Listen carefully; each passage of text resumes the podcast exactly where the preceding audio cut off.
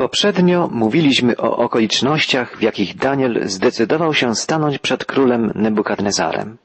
Król miał niezwykły, niepokojący sen i zażądał od swoich doradców, mędrców, magów, by opowiedzieli mu treść jego snu i wyłożyli jego znaczenie. Babilońscy mędrcy i wróżbici nie byli w stanie tego uczynić. Nebukadnezar więc postanowił ich zgładzić jako bezużytecznych. Daniel powstrzymał egzekucję, zapowiadając, że wkrótce będzie w stanie wyłożyć sen Nebukadnezara. Potem wraz z trzema przyjaciółmi modlił się gorliwie, wołając o pomoc. I Bóg objawił Danielowi w nocnym widzeniu znaczenie snu babilońskiego króla. Daniel, pełen wdzięczności, wysławiał mądrość i moc Pana Niebios i pośpieszył na dwór Nebukadnezara. Od 26 wiersza drugiego rozdziału Księgi Daniela czytamy I odezwał się król i rzekł do Daniela, którego imię było Baltazar, czy rzeczywiście możesz mi opowiedzieć sen, który miałem i wyłożyć go? Jak wiemy, Danielowi nadano w Babilonie imię Baltazar. Król traktował go jako jednego z młodych adeptów szkolonych przez babilońskich mędrców, którzy nie potrafili wyłożyć snu. Był więc sceptycznie nastawiony co do jego umiejętności. Z drugiej jednak strony obietnica objaśnienia niepokojącego snu była dla niego bardzo nęcąca. Zapytał więc Daniela, czy naprawdę możesz mi opowiedzieć sen, który miałem i wyłożyć go? Daniel odpowiedział królowi tymi słowy. Tajemnicy, o którą pyta król, nie mogą wyjawić królowi ani magowie, ani wróżbici, ani czarownicy, ani astrolodzy. Jest jednak Bóg na niebie, który objawia tajemnice i wyjawia królowi Nebukadnezarowi, co się stanie w przyszłych dniach. A Twój sen i Twoje widzenie, które Ci przeszły przez głowę, są takie. Daniel na samym początku dokonuje rozróżnienia pomiędzy całą wiedzą babilońskich mędrców, magów, astrologów, a mądrością i wiedzą pochodzącą od Boga. Przypomina nam to słowa apostoła Pawła, który Koryntianom, wykształconym Grekom, postawił pytanie, czyż Bóg nie obrócił w głupstwo mądrości świata? Świat przez mądrość swoją nie poznał Boga w Jego Bożej mądrości. Nawet głupstwo Boże jest mędrsze niż ludzie, a słabość Boża mocniejsza niż oni. Daniel ma niezwykły przywilej wskazania człowiekowi będącemu najpotężniejszym władcą pogańskim tamtych czasów żywego Boga, Boga prawdziwego. Mówi więc Daniel Nebukadnesarowi, czcicielowi Bela, Isztar i wielu innych bóstw, królu, jest jeden prawdziwy, żywy Bóg, Pan nieba i ziemi. I jedynie On może objawić człowiekowi Twoje tajemnice i swoje plany odnośnie przyszłych dni. Tobie, o królu, przyszły na Twoim łożu myśli o tym, co kiedyś się stanie. A ten, który objawia tajemnice, powiedział Ci, co się stanie. Daniel był pewien, że sen, który zaniepokoił babilońskiego króla, pochodził od Boga. Pamiętamy, że w nocnym widzeniu Bóg objawił swemu prorokowi treść snu Nebukadnezara i pouczył go, jakie znaczenie ma ten sen. Daniel wiedział więc, że to sam Pan zaniepokoił pogańskiego władcę, pobudzając go do zadawania sobie pytań o przyszłe dzieje świata. Możemy powiedzieć, że był to dla Daniela, izraelskiego proroka, ważny sygnał, iż rozpoczynają się czasy pogan, że Bóg będzie działał odtąd wśród wszystkich narodów.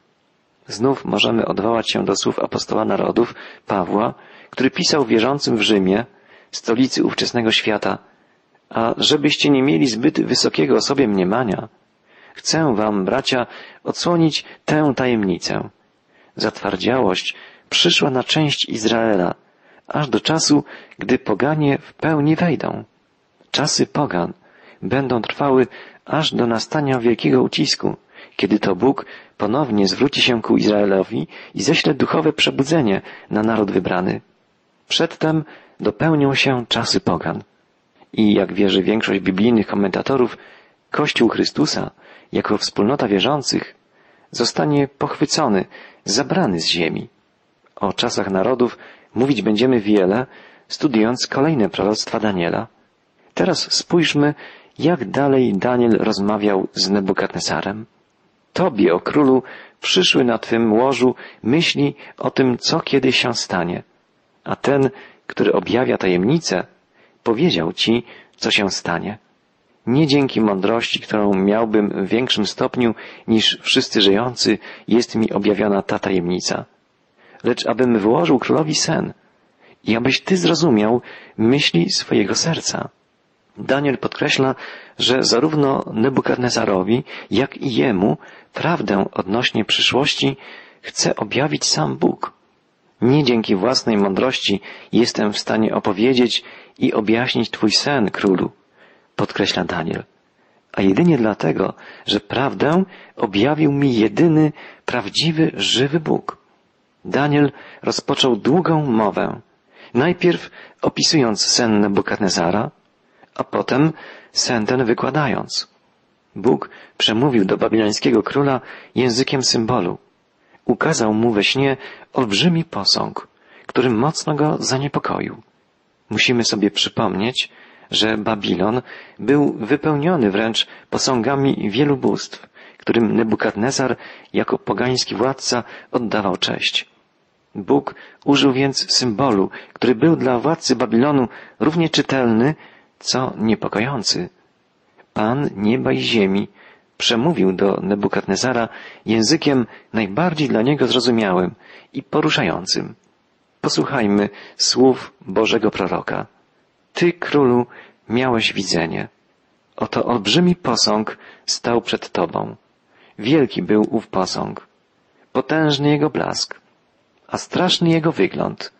Posąg, który pojawił się we śnie Nebukadnezara, przeraził go i zaniepokoił. Znaczy to, że musiał być to widok niezwykły, przejmujący grozą, wyjątkowy. Gdybyśmy mogli znaleźć się na dworze babilońskim, w czasie gdy Daniel zaczął opisywać ów posąg, z pewnością zobaczylibyśmy na twarzy Nebukadnezara najpierw niedowierzanie, zaskoczenie, a potem coraz bardziej rosnące zdumienie. Daniel rozpoczął Widziałeś, królu, olbrzymi posąg. Straszny był jego wygląd, potężny jego blask. Głowa tego posągu była ze szczerego złota, jego pierś i jego ramiona ze srebra, jego brzuch i jego biodra z miedzi, jego golenie z żelaza, jego nogi po części z żelaza, po części z gliny. Gdy Daniel opisywał ów niezwykły posąg, Nebukadnezar z pewnością mówił w duchu, a może szeptał, tak, tak było. Dokładnie tak wyglądała ta przerażająca zjawa senna. Bóg nie mógł lepiej przygotować tego pogańskiego, absolutnego władcy do przyjęcia Jego prawdy, niż właśnie w taki sposób, zsyłając sen, który potem został dokładnie opisany przez Jego proroka. Nebukadnezar był pewien, że skoro Daniel jest w stanie opisać jego sen, to z pewnością będzie też w stanie go wyłożyć. Zapewne posąg, który pojawił się w jego śnie, teraz ponownie stanął przed jego oczyma, gdy słuchał słów Daniela. Głowa ze szczerego złota, pierś i ramiona ze srebra, brzuch i biodra z miedzi, nogi z żelaza i gliny. Niezwykły był to widok i z pewnością zaniepokoiłby każdego z nas, gdyby pojawił się w naszych snach. Nebukadnezar słuchał z zapartym tchem, gdy Daniel opowiadał dalej jego sen. Patrzyłeś, królu, a wtem bez udziału rąk oderwał się od góry kamień, uderzył ten posąg w nogi z żelaza i gliny i skruszył je. Wtedy rozsypało się w kawałki żelazo, glina, miedź, srebro i złoto. I było to wszystko jak plewa na klepisku w lecie. I rozniósł to wiatr, tak że nie było po nich śladu. Kamień zaś, który uderzył w posąg, stał się wielką górą i wypełnił całą ziemię. Posąg został rozbity w pył przez spadający z góry kamień. Wszystko, co pozostało z posągu, rozwiał jak plewy wiatr. A kamień, który uderzył w posąg, stał się wielką górą i wypełnił całą ziemię. Taka była treść snu Nebukadnesara. Nie musimy czynić wysiłków, by wyjaśnić jego znaczenie. Sam Daniel wyłoży ten cel, a my zamienimy się w słuch, podobnie jak Nebukadnezar, który na pewno z zapartym tchem czekał na objaśnienie proroka. Daniel kontynuował. Taki jest sen, a teraz go wyłożymy królowi. Ty, o królu, jesteś królem królów, któremu Bóg niebios dał królestwo, moc i siłę i chwałę, w którego ręce na całej zamieszkanej ziemi dał ludzi, polne zwierzęta i ptactwo niebieskie, którego uczynił władcą tego wszystkiego. Ty jesteś głową ze złota. Daniel wykłada królowi sen i najpierw wskazuje na głowę ze złota. To ty, królu, to twoje królestwo, Babilonia. Tobie Bóg niebios dał królestwo i moc i chwałę w Twoje ręce, pod Twoje panowanie oddał ludzi, zwierzęta, Ciebie uczynił władcą wszystkiego.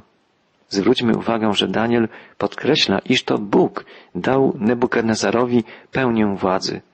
Panowanie nad światem ludzi, zwierząt i roślin przypomina nam pozycję, jaką miał pierwszy człowiek, Adam.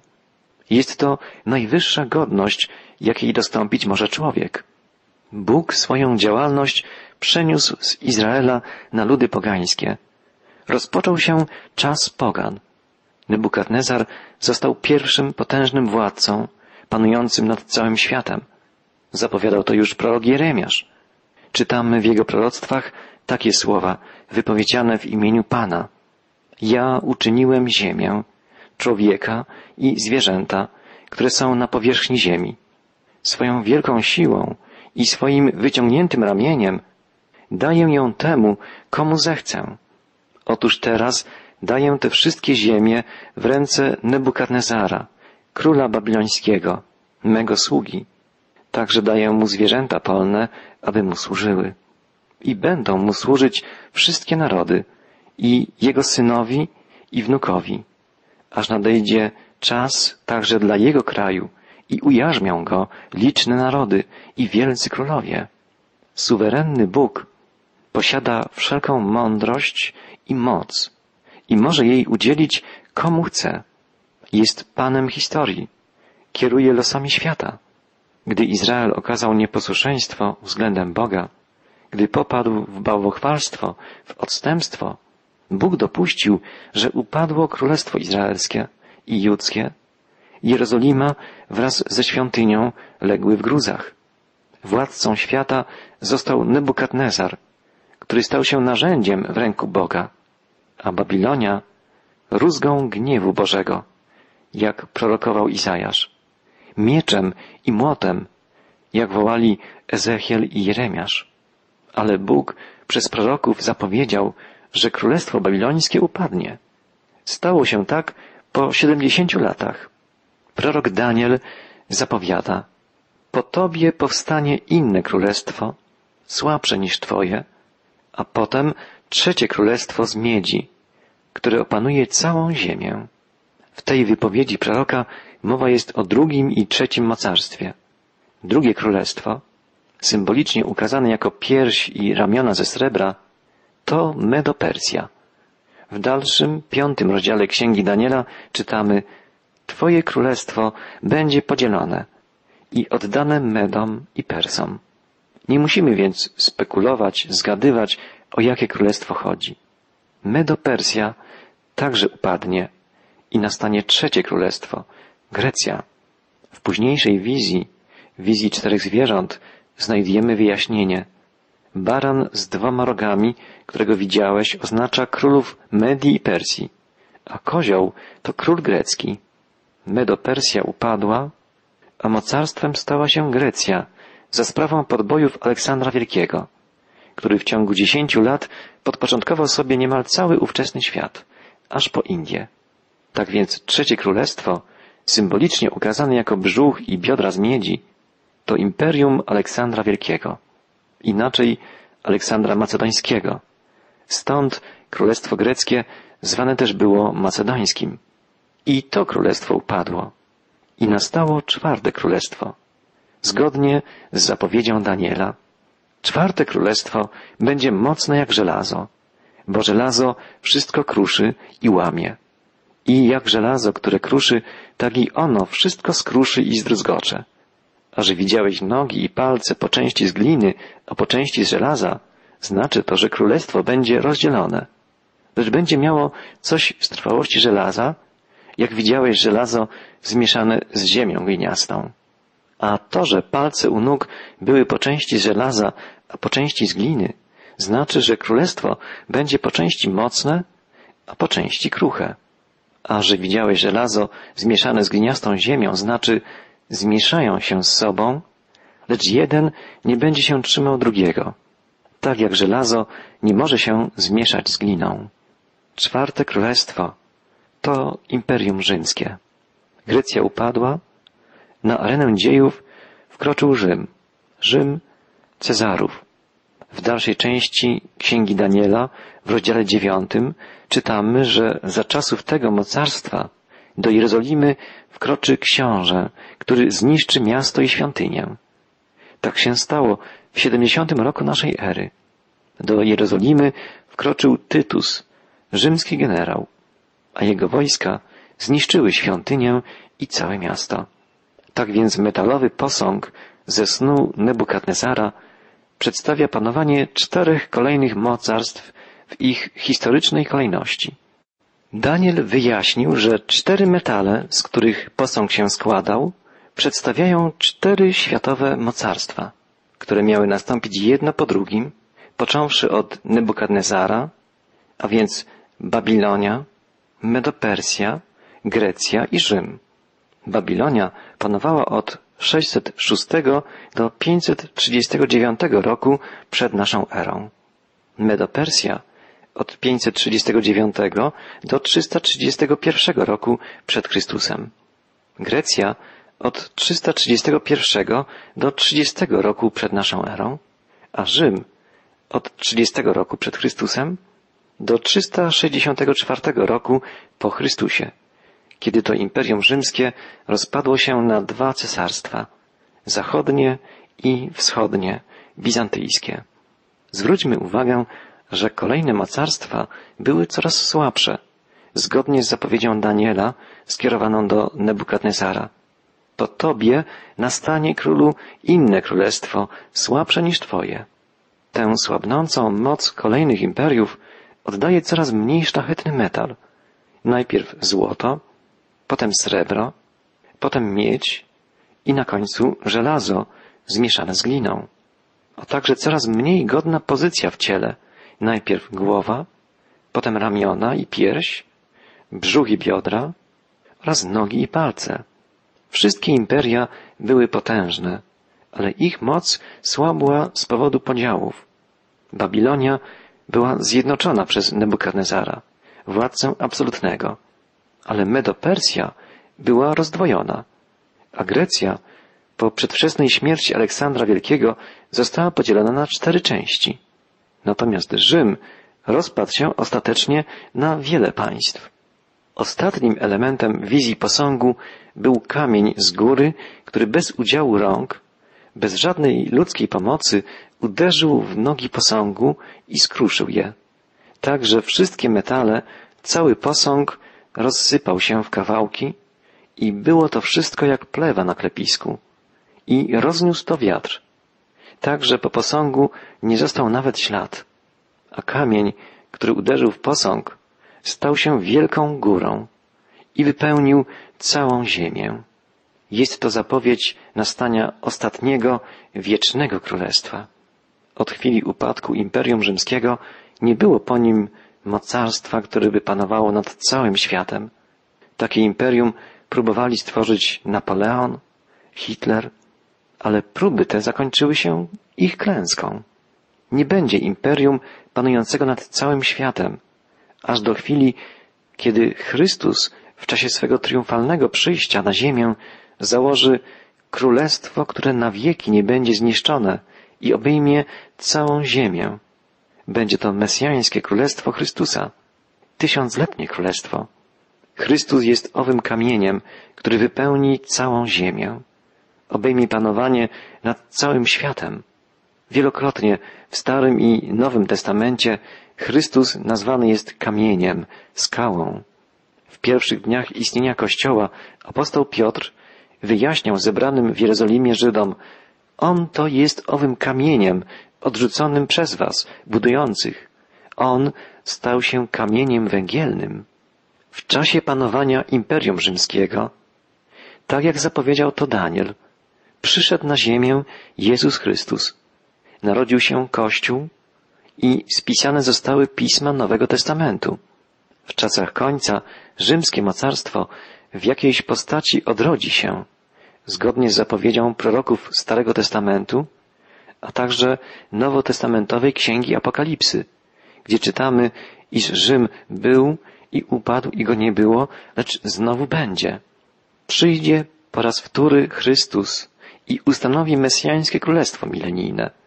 Daniel zapowiada, za dni tych królów Bóg niebios stworzy królestwo, które na wieki nie będzie zniszczone, a królestwo to nie przejdzie na inny lud. Zniszczy i usunie wszystkie owe królestwa, lecz samo ostoi się na wieki. Tak więc sen Nebukadnezara i jego wykład ukazują nam panoramę dziejów biblijnych od czasów panowania Babilonii i kolejnych starożytnych imperiów, poprzez nasze czasy, aż do tysiącletniego królestwa. Bóg objawił Danielowi swoje zbawcze plany. Boży prorok zakończył słowami Wielki Bóg objawił, co potem się stanie. Sen jest prawdziwy, a wykład jego pewny.